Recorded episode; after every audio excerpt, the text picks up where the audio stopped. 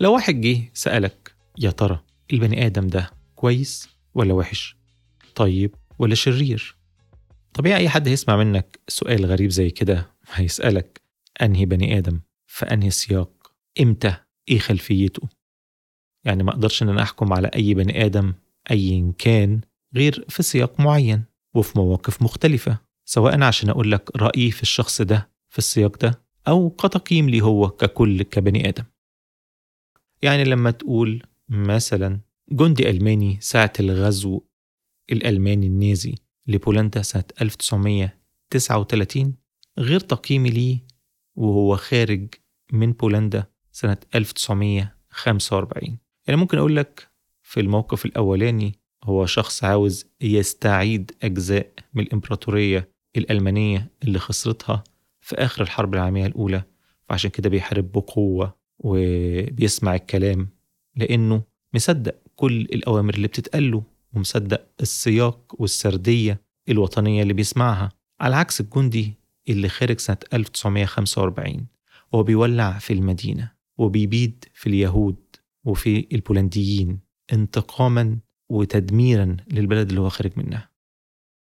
في السياق ده الجندي اللي كان بيدمر سنة 39 ممكن أتفهم نوازعه. وأقول لك يعني الشخص ده ممكن يكون حلو أو وحش. سنة 45 هقول لك ده أكيد وحش أكيد شرير. وهكذا برضو لما قلت لك إيه رأيك في الجنود الأمريكان اللي نزلوا على نورماندي عشان يحرروا فرنسا سنة 44 ببساطة شديدة طبعا معظم الناس في السياق الغربي في فرنسا مثلا أو الولايات المتحدة الأمريكية يقول لك طبعا شخص كويس شخص خير. كان بيحارب القوة الشريرة بتاعت النازيين وبيحرر الفرنساويين المتحضرين الكويسين.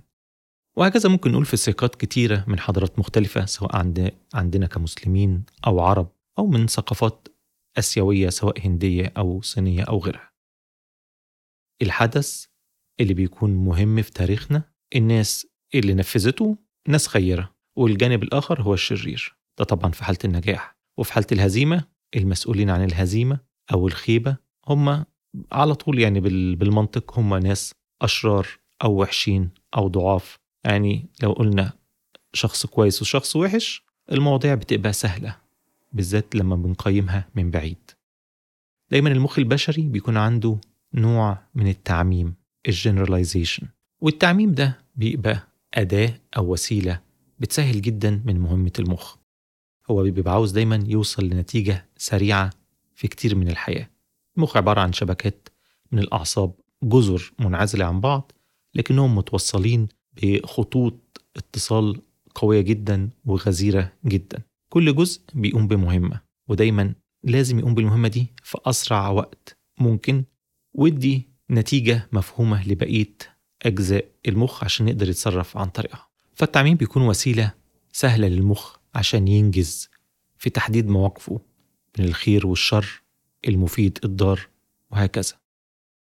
والحقيقة مش المخ البشري ذات نفسه اللي بيلجأ للتعميم عشان الإنجاز بل والحكومات ذات نفسها. تشوف المصلحة بتاعتها فين وتربي شعوبها عليها. وهكذا برضو المؤسسات والجماعات سواء دينية أو غير دينية بتلجأ للتعميم في المجمل.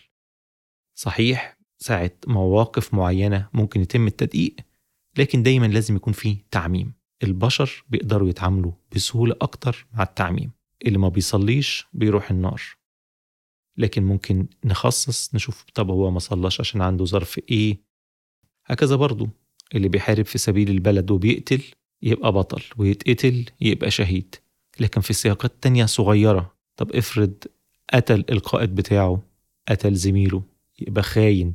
افرض اتقتل وهو بيهرب يبقى جبان. بيبقى في دايما سياق عام. وفي سياقات خاصة ليها ظروف معينة في الحكم. والحقيقة موضوع التعميم ده رغم إن هو أكيد مفيد وليه لازمة كبيرة في إدارة الدول والمؤسسات والجماعات المنظمة إلا إنه الحقيقة تأثيره على الأفراد سيء جدا. بيؤدي في الآخر للسطحية في التفكير وفي التعامل مع مختلف مواقف الحياة. كل حاجة عنده يا أبيض يا أسود. فيتحول إلى روبوت. ويا ريت مثلا روبوت كويس لأ روبوت من النوع الرديء. كل المواقف اللي بيتعرض لها عاوز ينجز حلو وحش حلو وحش. ولما يجي يتعرض لمواقف ودي طبعا الحياة كلها مليانة مواقف من النوع ده فيها تفصيلة مختلفة مخه ما بيبقاش عاوز يتعامل معاها فيهرب منها ويديها يا ابيض يا اسود وحسب ظروف الأبيض والأسود ده يعني ممكن يكون اختياره إن هو يديله ال label بتاع الأبيض أو الخير مدفوع بمشاعر وإن هو يخليه شرير أو يعمل له labeling إن هو أسود برضه مدفوع بمشاعر مش أكتر مش بمنطق. والمشكلة بتبقى أكبر لما أنت بتتعمل في كل حاجة من حياتك بأبيض وأسود إن مشاعرك بتكون جياشة في الاتجاه ده. ومن هنا المشاعر الشعبوية بتبقى متحمسة ومتأججة دايما ناحية اللي إحنا معاه أو بننتمي له وضد اللي إحنا ما نعرفوش أو بنخاف منه أو بنستعداه. يعني مثلا المخ البشري لما يكون أبيض وأسود بس ممكن يروح لسكك بعيدة في التفكير وفي الاستعداء أو في الانحياز. زي مثلا المسلمين عندنا إن أكل لحم الخنزير حرام. بيحصل في مخنا من وإحنا صغيرين عشان عارفين إن ده شيء حرام. نوع من الكراهية والتقزز مش من لحم الخنزير بل ومن الخنزير ذات نفسه. بيتربط في مخنا بتعميم كامل بأن هو كله حرام وكله نجس فبيحصل جوانا نوع من الكراهية لهذا المخلوق اللي هو الخنزير. على عكس مثلا المسيحيين اللي ما عندهمش الكلام ده بياكلوا لحمه ومش كده وبس بيقبلوه كحيوان جوه ثقافتهم. ولعل أكبر تجلي للموضوع ده إن إحنا من الصعب أو المستحيل إن إحنا نلاقي خنزير بطل في قصة من قصص أطفالنا. على عكس طبعا العالم الغربي. مش بس كده الحقيقة حتى في تقييمنا للمواقف وللخير والشر المفروض الموضوع يبقى متباين أو يعني يكون مرن. يعني مثلا شخص ما في موقف معين عمل فعل إحنا بنعتبره شرير هنعتبر إن الفعل ده بتاع الشخص ده شرير أو خطأ. لكن ما نحطش الشخص ده كله في استجماتة أو في وضع إن هو دايما غلط. في ده وضع إن هو دايما شرير. وأي حاجة دايما هيعملها هنبص لها من عدسه إن إحنا شايفينه شرير. أو العكس شخص دايما شايفينه خير عشان عمل موقف معين خير. في اي مواقف يعملها بعد كده نحاول إن إحنا نشوفها من الموقف ده. سواء لأن الشخص ده بتربطنا بيه علاقه تخلينا دايما نحبه زي إن هو مثلا قريبنا أبونا أخونا جدنا. أو شخص مقدس في المحيط بتاعنا. إمام جامع قسيس راهب حاخام حسب الخلفية الدينية اللي إحنا جايين منها أو الخلفية الاجتماعية أو الدراسية ده الأستاذ بتاعي اللي علمني أو ده الدكتور اللي أنا اتعلمت على إيده وهكذا. لازم يكون عندنا قدرة على التمييز دايما ما بين المواقف والسياق والمرونة اللي البشر بيقبوا فيها. أنا ممكن أنا نفس الشخص في موقف معين هعمل فعل شرير وفي موقف آخر هعمل فعل خير. وده مش معناه إن إحنا نقول بقى كل الناس زي بعضيها وكل الناس حلوة ووحشة. لا بس يكون دايما عندنا قدر من التفهم لطبيعتنا كبشر. ولعل ده من أهم الدوافع ورا إن أنا عملت فواصل ثقافية إنها طريقة ليا ولحضراتكم لفهم طبيعة البشر. إزاي بنفكر في ظروف معينة وسياقات معينة. مش عشان نحكم على بعض ونقول المصريين حلوين ولا وحشين. الفرنساويين حلوين ولا وحشين؟ لا. مش عشان إن دي كمان طريقة تفكير عنصرية. برضو لا. بل عشان نعرف السياق اللي يخلي فرد أو مجتمع يعمل فعل معين فيبقى خير من وجهة نظر ناس معينة أو إن هو يعتنق الفعل ده على إنه خير أو على إنه مقبول أو العكس.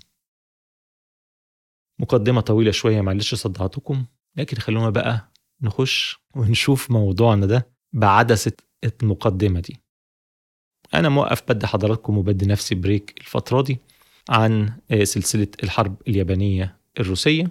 هنرجع لها تاني إن شاء الله بس break كده منعا للملل ليا ولحضراتكم. والنهاردة هنتكلم عن شخصية تاريخية معاصرة شوية لأحداث الحرب اليابانية الروسية يعني قبليها وبعديها بحبة صغيرين. وجينا على الحقيقة إيه مشينا عليها سريعا كده في مقدمة الحرب الروسية اليابانية. واللي هي طبعا إيه ال scramble for Africa اللي هو الصراع على المستعمرات والساحة الأخيرة اللي كانت فاضلة هي أفريقيا. فكان في صراع بين الدول وكنا قلنا سريعا كده إن حصل في 1885 مؤتمر في برلين. الأوروبيين قالوا إحنا ناس بقى متحضرة نيجي نقسم التورتة بتاعت أفريقيا دي ما بيننا ومفيش داعي للخناق. واتكلمنا عن إن إزاي فرنسا وإنجلترا كل واحدة فيهم خدت حتة كبيرة جدا كده نصيب أسد. وألمانيا الإمبراطورية الجديدة خدت لها مستعمرتين كبار برضو في الشرق وفي الغرب والبرتغال حافظت على مستعمراتها القديمة. بس قلت كده سريعا إن كان في حتة كبيرة جدا من الأرض اللي هي منطقة الكونغو اللي خدها ملك بلجيكا كده كأنها هدية ليه يعني. وهي الحقيقة إيه؟ ضميري أنبني شوية إن أنا قلتها بالطريقة دي لأن الموضوع فيه تفاصيل أكبر من كده كتير. تفاصيل مثيرة. ولطيفة إن إحنا نتعرض لها. وبما إننا يعني واخدين بريك من الحرب اليابانية الروسية خلينا نتعرض سريعا لبطل المنطقة دي اللي هي منطقة الكونغو الملك البلجيكي ليوبولد الثاني.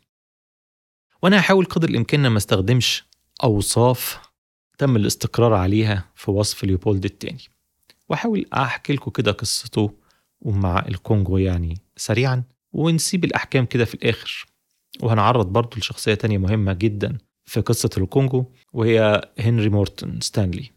وده مستكشف آه، بريطاني أمريكي مهم جدا جدا في الفترة دي واللي مهتم بتاريخ استكشاف آه، أصول ومنابع نهر النيل لازم هيخبط فيه في وقت من الأوقات يعني عشان هو ليه أدوار مهمة جدا في استكشاف منابع نهر النيل ونهر الكونغو.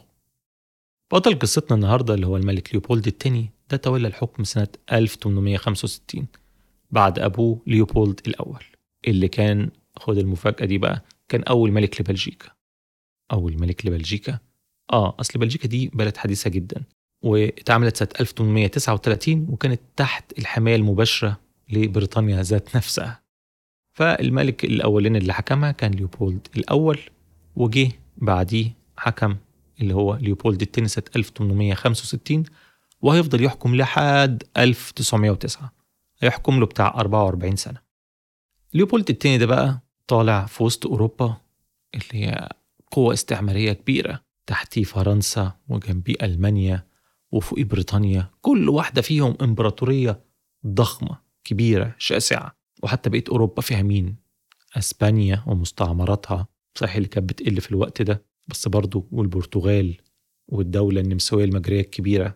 دلوقتي ليوبولد التاني ده صحيح ملك لدولة جديدة إلا إنه من عيلة نبلاء بترتبط بالنسب بعائلات أوروبا الكبيرة. يكفي إنك تعرف إن هو كان يعتبر ابن عمومة للملكة فيكتوريا وليه قرابات كتير مع ملوك أوروبا.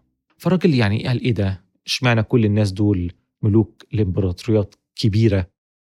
وأنا كده حتة دولة صغيرة اللي هي بلجيكا. لا أنا عاوز يكون لي إمبراطورية أنا كمان. طب إزاي؟ دي بلجيكا دي دولة صغيرة لا ليها جيش محترم ولا بحرية طبعا. إزاي يبقى عندها مستعمرات وإزاي تبقى إمبراطورية؟ فطبيعي إن الراجل بص في الحتة الأخيرة في العالم اللي لسه ما كانش تم استكشافها واللي هي كانت مين في الوقت ده؟ أفريقيا. إحنا طبعا بنتكلم هو مسك الحكم 1865 ومن البداية هو عنده طموحات كبيرة. فالراجل ما ضيعش وقت وقال لك أنا ما عنديش بقى الموارد بتاعت لا بريطانيا ولا فرنسا ولا ألمانيا لكن عندي الحكمة والحنكة إن أشوف مين أحسن ناس في العالم دلوقتي المستكشفين وأشغلهم عندي. وفي الوقت ده كانت الاستكشافات في أفريقيا شغالة على أشدها. اللي جايين من مصر وينزلوا على منابع النيل يستكشفوا فيها؟ والوقت ده طبعا كان وقت الخديوي إسماعيل أو اللي بيجوا من ناحية زنجبار ويخشوا العمق. وزنجبار ساعتها كانت تحت حكم سلطان عماني. كانت تعتبر مملكة ليها عاصمتين عاصمة اللي هي مسقط وعاصمة في زنجبار وكان يعتبر السلطان الزنجباري منفصل أو مستقل شوية. كان في يعني نزاعات ما بين أخين من السلاطين العمانيين وكان كل واحد فيهم مستقل عن التاني على ما أتذكر في الوقت ده. وفي طبعا الفرنسويين من الغرب لكن لسه قدامهم كام سنة عقبال ما يحاولوا يستكشفوا من الغرب. مين بقى ال pioneers أو الرواد الأوائل بريطانيين بالأساس؟ وشوية ألمان وفرنسويين وبيجوا كلهم من ناحية الشرق ناحية أثيوبيا ناحية مصر ناحية زنجبار. في طبعا أعلام كبيرة زي سامويل بيكر وفي عندنا طبعا تشارلز جوردون وده ليه يعني تاريخ حافل. ممكن نبقى نفرد له حلقة بعدين. ودكتور ليفينغستون. والنجم بقى الساطع في التلت الأخير من القرن ال19 كان هنري مورتون ستانلي. وده الحقيقة قصة حياته حافلة. بالأحداث. بداية من ولادته خارج الزواج وده طبعا في الوقت ده في القرن ال19 كان شيء مشين وامه تخلت عنه وودته ملجأ وكانت طفولته بائسة جدا. لكن الراجل اللي اتولد في بريطانيا بعد كده هاجر في سنة 18 سنة وراح أمريكا ولف كعب داير بقى في كل حتة. يا دوبك لسه رايح هناك قامت الحرب الأهلية الأمريكية. شوية حارب مع ال Confederates اللي هم الانفصاليين وشوية حارب مع ال Unionists اللي هي حكومة لينكولن واشتغل في البحرية ولف كتير. خلصت الحرب اشتغل في الصحافة وبدأ يلف حوالين العالم في مهام مختلفة.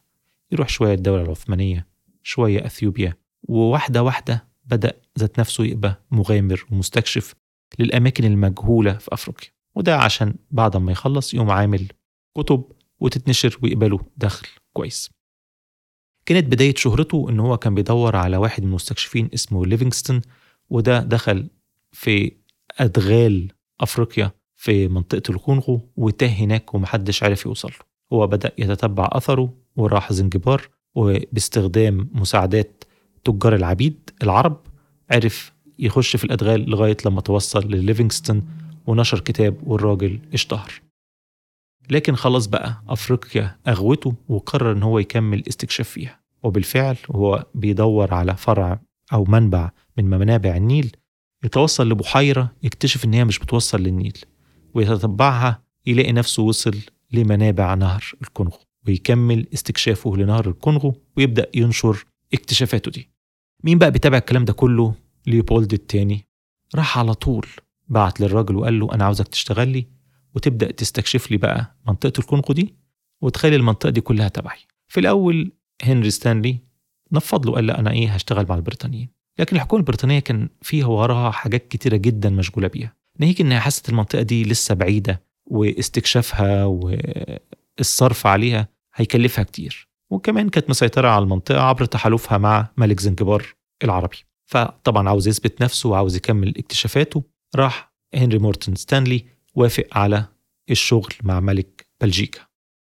وهنا بقى هنلاقي سرديات مختلفة عن إزاي ستانلي وليوبولد كل واحد فيهم شاف الكونغو. هنري مورتن ستانلي كان شايف إن هم حسب كلامه يعني هيستكشفوا المنطقة ويعملوا عقود مع سكان المنطقة اللي هم القبائل اللي عايشين في مختلف مناطق حدود الكونغو يأجروا منهم الأراضي يعملوا معهم تجارة يشتغلوا معاهم وهكذا.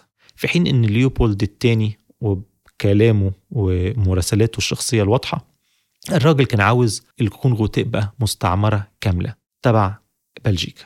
الموضوع اتعرض على البرلمان البلجيكي وطبعا الحكومة رفضت إن هي إن هي تتولى الصرف على طموحات وأحلام ومطامع الملك ليوبولد الثاني لكن الراجل ما استسلمش وعمل بقى اسكيمة كده خطة كده جهنمية عشان يخبي مطامعه قصاد العالم. عمل إيه؟ راح عمل جمعية ملكية جغرافية. وقال اننا يعني بنتابع الأبحاث والفتوحات الاستكشافية في مختلف أنحاء العالم خصوصا في أفريقيا. وراح تعاقد مع هنلي مورتن ستانلي إن هو يروح يستكشف يكمل استكشافاته لنهر الكونغو ويعمل له عقود مع القبائل اللي هناك. مؤرخين كتير اطلعوا على العقود الأولانية اللي عملها هنري مورتن مع السكان الأصليين كانت عبارة عن عقود تأجير لأراضيهم ولتعاون اقتصادي بينهم وبين الملك ذات نفسه ليوبولد الثاني لكن العقود اللي وصلت للملك ليوبولد الثاني راح مقطعها وقال له لا لا لا لا ما فيش الكلام ده. أنا عاوز الناس دي كلها تبيع لي أرضها ومش تبيعوا بمعنى تبيعوا إحنا هنستغفلهم. هنمضيهم على ورق هم ما يعرفوهوش. وهنا بقى هنلاقي تضارب في الأقوال شوية. ناس هتقول لك هنري ستانلي مورتون وافقوا ومشي على هواه. وناس تانيين بتقول لك لا ما حصلش. والملك ليوبولد الثاني جاب رجالته وزوروا العقود.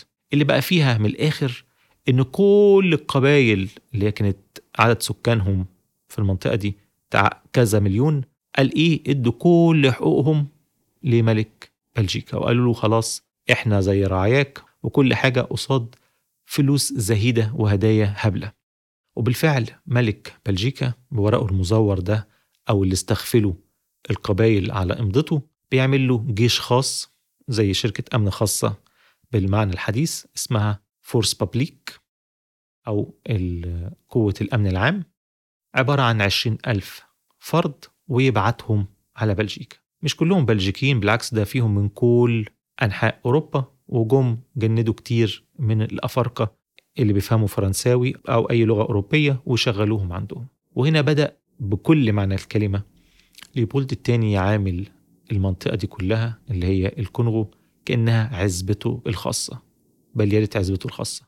عزبته الخاصة اللي ساكن فيها عبيده الملك. لكن قبل ما ياخد بقى يعني يفرد وينطلق في المنطقة كان لازم ياخد إيه؟ موافقة ورضا الأوروبيين.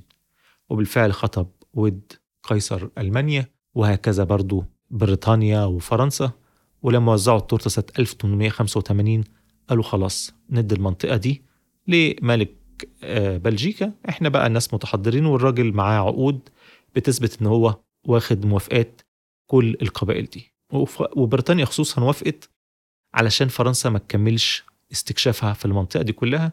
وهي بلجيكا بلد محايدة فإن ليها منطقة في وسط أفريقيا كبيرة كده أو حاجة كده زي بافر زون منطقة عزل ما بين مستعمرات بريطانيا ومستعمرات فرنسا.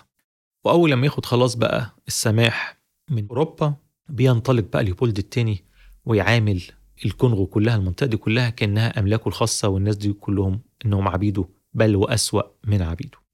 قال لك إزاي بقى نقدر نقلب بقى المنطقة دي؟ أول حاجة قال لك إيه؟ فيها أفيال كتير وحيوانات كتير. نستغل الثروة الحيوانية دي بأكتر طريقة ممكنة. وانتشرت جدا تجارة العاج وبدأ عشان هو تعتبر مادة ثمينة بدأت تجارة العاج تنتشر في المنطقة.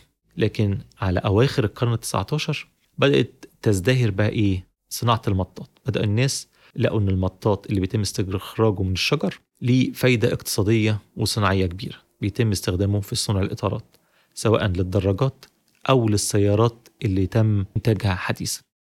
مين بقى أكبر دولة أو أكبر منطقة في العالم فيها أشجار بتطلع مطاط كان في الكونغو فسلط طبعا الجيش بتاعه الجيش الخاص بتاعه عشان يطلعوا البضاعة دي. بأرخص سعر ممكن. طب يطلعوها إزاي؟ بقوا رجالته ينزلوا القرى والمناطق النائية من الكونغو ويحصروا القبائل ويخطفوا ستاتهم وبناتهم ويعزلوهم في أماكن حقيرة ما فيهاش لا أكل ولا شرب ولا أمان ويجبروا رجالتهم إن هم يروحوا الغابات يقطعوا الشجر ويستخرجوا المطاط ويجيبوه. لكن طبعا لأن الملك قاعد في عزبه وفي غناه هناك في بلجيكا ومش حاسس باللي بيحصل تحت هو بيطلب أرقام عاوزها تتنفس زيه زي أي رأس مالي في أي حتة من العالم. بيجيب ناس يشغلها يقول لهم أنا عاوز نتائج ملوش دعوة النتائج دي بتيجي إزاي.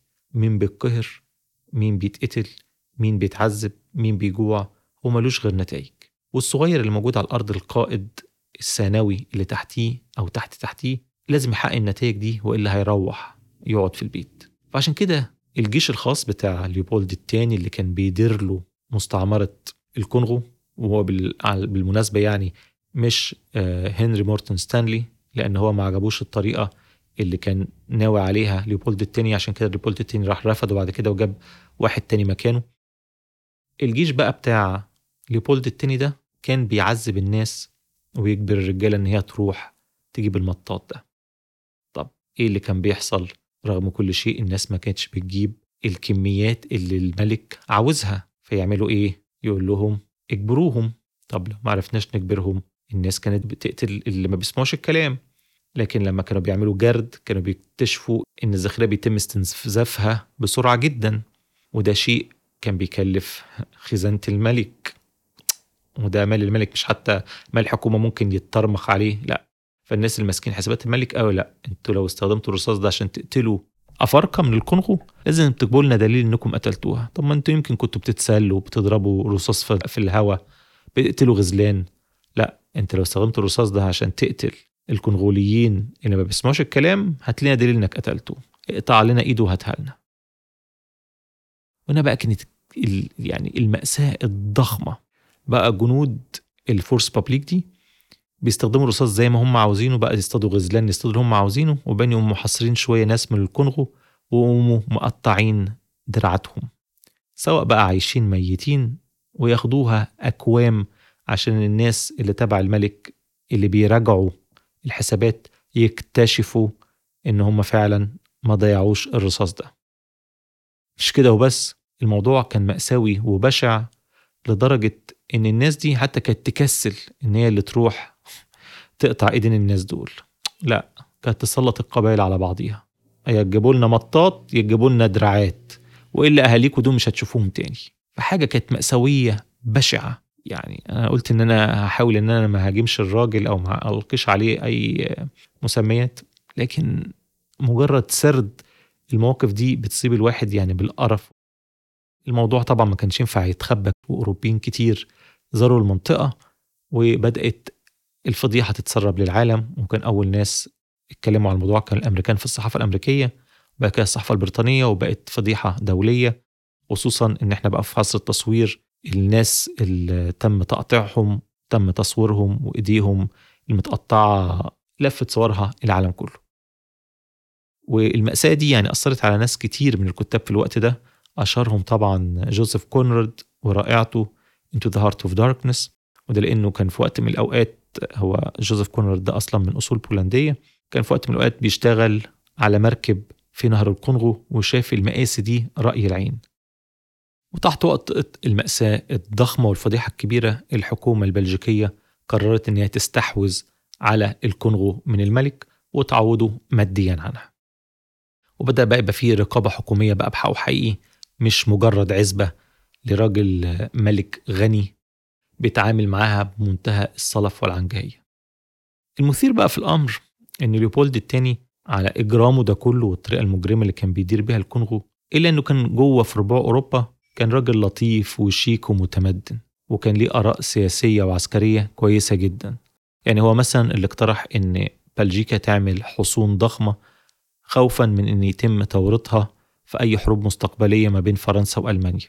ولما قامت الحرب بينهم فعلا سنة 1870 71 التزم الحياد والحصون دي لما عملها بعد كده يعني وقفت الألمان شوية قبل ما يدخلوا فرنسا في 1914 والملك كانت ليه شعبية متوسطة لغاية آخر أيامه لما الفضيحة دي انطلقت وانتشرت والراجل يعني عر البلجيكيين غير كمان إن كان ليه نزوات يعني إن هو من كتر بقى الغنى اللي جابه من مستعمرته الكبيرة دي كان بيتجوز بنات صغيرة بيمشي معاهم وليه بيوت مختلفة وكان بيقضي وقت طويل على الريفيرا الفرنسية وكان يعني مقضيها بالطول وبالعرض. فالسؤال هنا هل عشان واحد زي ليوبولد الثاني وكان عنده جيش من البلجيكيين أطلقهم على سكان الكونغو فهل ده معناه إن كل البلجيكيين ناس برابرة قصات القلب؟ طبعا اللي هيتابع تاريخ الكونغو بعد كده هيكتشف إن القوات اللي احتلت الكونغو ما كانتش يعني أكثر إنسانية من ليوبولد لكنهم أكثر نظاما وإن هم اعتمدوا على الفرنساويين كتير وكانوا بيعتمدوا على كتير من أساليبهم. لكن برضه هل التاريخ ده كله معناه إن البلجيكيين ناس وحشين؟ أنا طبعا متأكد إن لو حد فيكو من المستمعين يعني عايش في بلجيكا أو يعرف ناس عايشين في بلجيكا في العصر الحالي يقول لك إن البلجيكيين دول من ألطف الناس سواء المكون الهولندي أو المكون الفرنساوي. هم ناس مسالمين جدا ولطاف جدا ومفيش حد يتخيل إن جدود الناس دول كانوا بالإجرام ده. وده طبعا شيء يعني بديهي جدا وطبيعي جدا في تاريخ البشرية كلها إن الناس في سياقات مختلفة وظروف مختلفة ممكن يطلع منهم الحلو قوي وظروف تانية ممكن يطلع منهم الوحش قوي. فدايما ما نحاولش نلجأ للتعميم ما نقولش الناس اللي شاركوا في المعركة دي هم خير من أنجبت الأرض عشان هم جابوا لنا النصر أو عشان هم كانوا تبع راية معينة. أو اللي شاركوا في معركة تانية هم أسوأ من مشى على الأرض. يعني حتى المغول اللي هم أكتر شعب شيطنته في التاريخ وفي التاريخ الإسلامي خصوصا طلع منهم أمراء وملوك خدموا المسلمين بطريقة كبيرة جدا. بس ده كل اللي عندي النهاردة. شكرا وأشوفكم على خير الحلقة الجاية. مع السلامة.